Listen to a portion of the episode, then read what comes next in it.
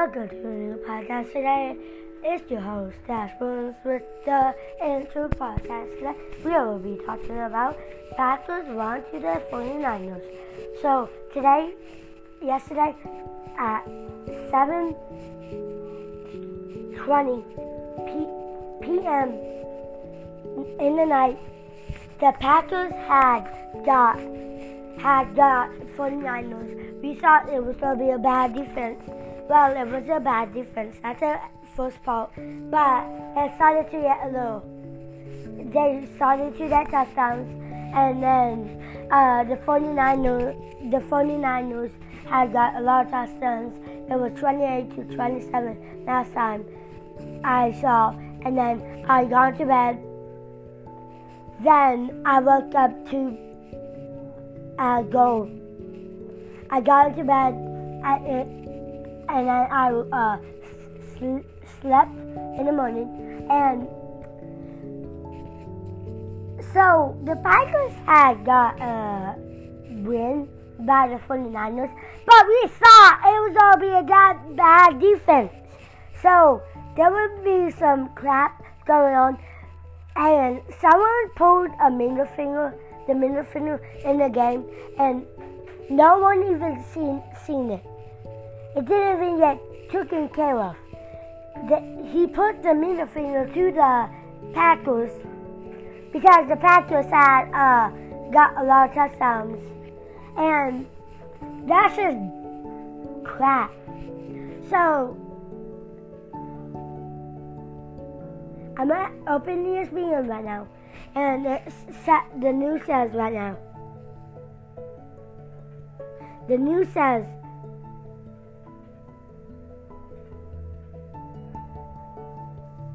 the news says uh, that the Packers. I'm trying to get it right now. How a three day. Okay, so Santa Clara Cliff Clay with Aaron Rodgers dropped it in his post-game news conference like it was it was no big deal. The Green Bay Packers quarterback started to describe how how he uh, should, should the game winning drive once he pulled out in 37 seconds with a single timeout to beat the San Francisco 49ers at the at the gun. It was it was a plan we made up in practice on Thursday. Rodgers began. Wait, what? Rodgers shows Manuel's MVP quarterback, team captain, and and captain come back uh, among them and play designer to that list. On Twitter, this is what a play looks like that Rodgers made up in Packers last week. It went up for 25 to Adams to start the game, winning drive. I just adjust one of the routine routes to, and we all liked it. And Matty su- suggests it right before we went out. Roger says, near did end a very Thursday Packers, the Packers won the two-minute drill last week. They they were there was a play that Rodgers liked, but was uh, with, a eat. He wanted to change out thing. He wanted to change one thing. He preferred what the slot receiver to the right end. The case of this case, Randall Cobb go deep, go deep to take the safety away from the primary primary primary receiver Davante Adams on, out, on the outside. So just as the 49ers took the lead with 37 seconds remaining, their first lead of the game after trailing by as many as 17 points in the first half. Rodgers huddled with coach Matt LaFleur and passing game conductor Luke Luke gets Getsy to discuss their uh, options for the first drive of the drive play of the drive. They flash back to the Thursday practice. I like to adjust some routes from time to time. Rodgers explained after game again. I get a look at what it feels like against our defense. And so I just adjust one of these routes and we liked it. And Matty suggested it right before we went out. He said, what do you think about this play? This play. I said, yeah, I think it, I, I liked it, that. I think that be pretty good. When I came up, I was sitting first window on the deep and to Davante. Roger said, but Fred was kind of in the way. So Rodgers waited uh, another beat and let let Adams con- continue behind Warner. Rodgers, as he said, it put it put it back over his head. So he basically said, "Let's get this game winning." He and he told Davante to score as many as they could.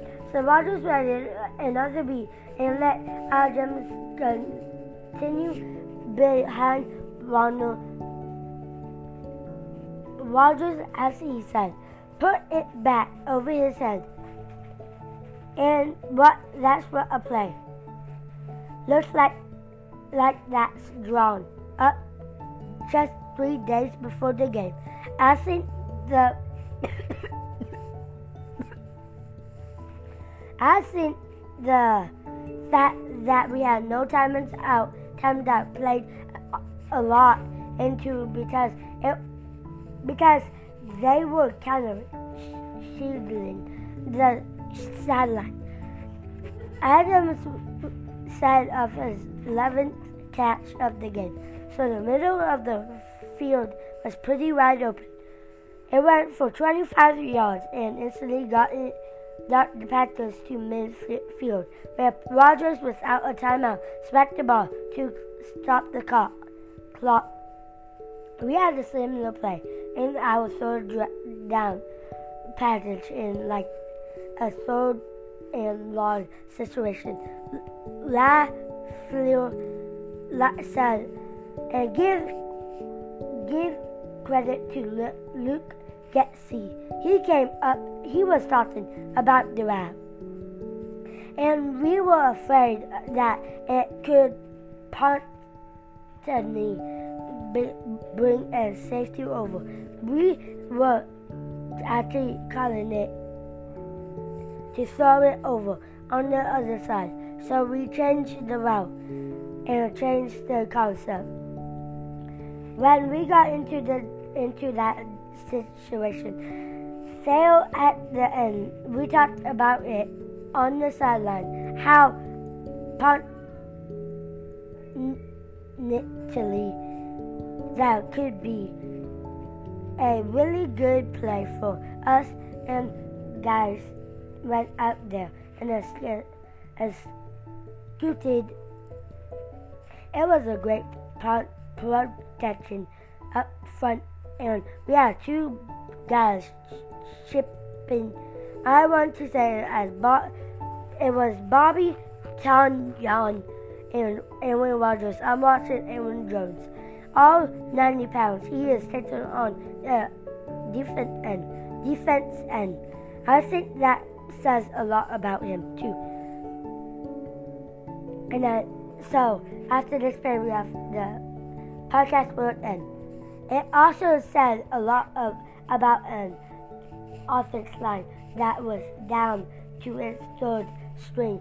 Let's let left tackle Josh Nijman, who held up well and was unsung hero of the game. Best of the NFL nation. That was that out with the podcast. Shout out to uh, Tom Grassi and NFL for letting me make this podcast. Goodbye, everyone. Hope you have an amazing day. Go, Pat, go.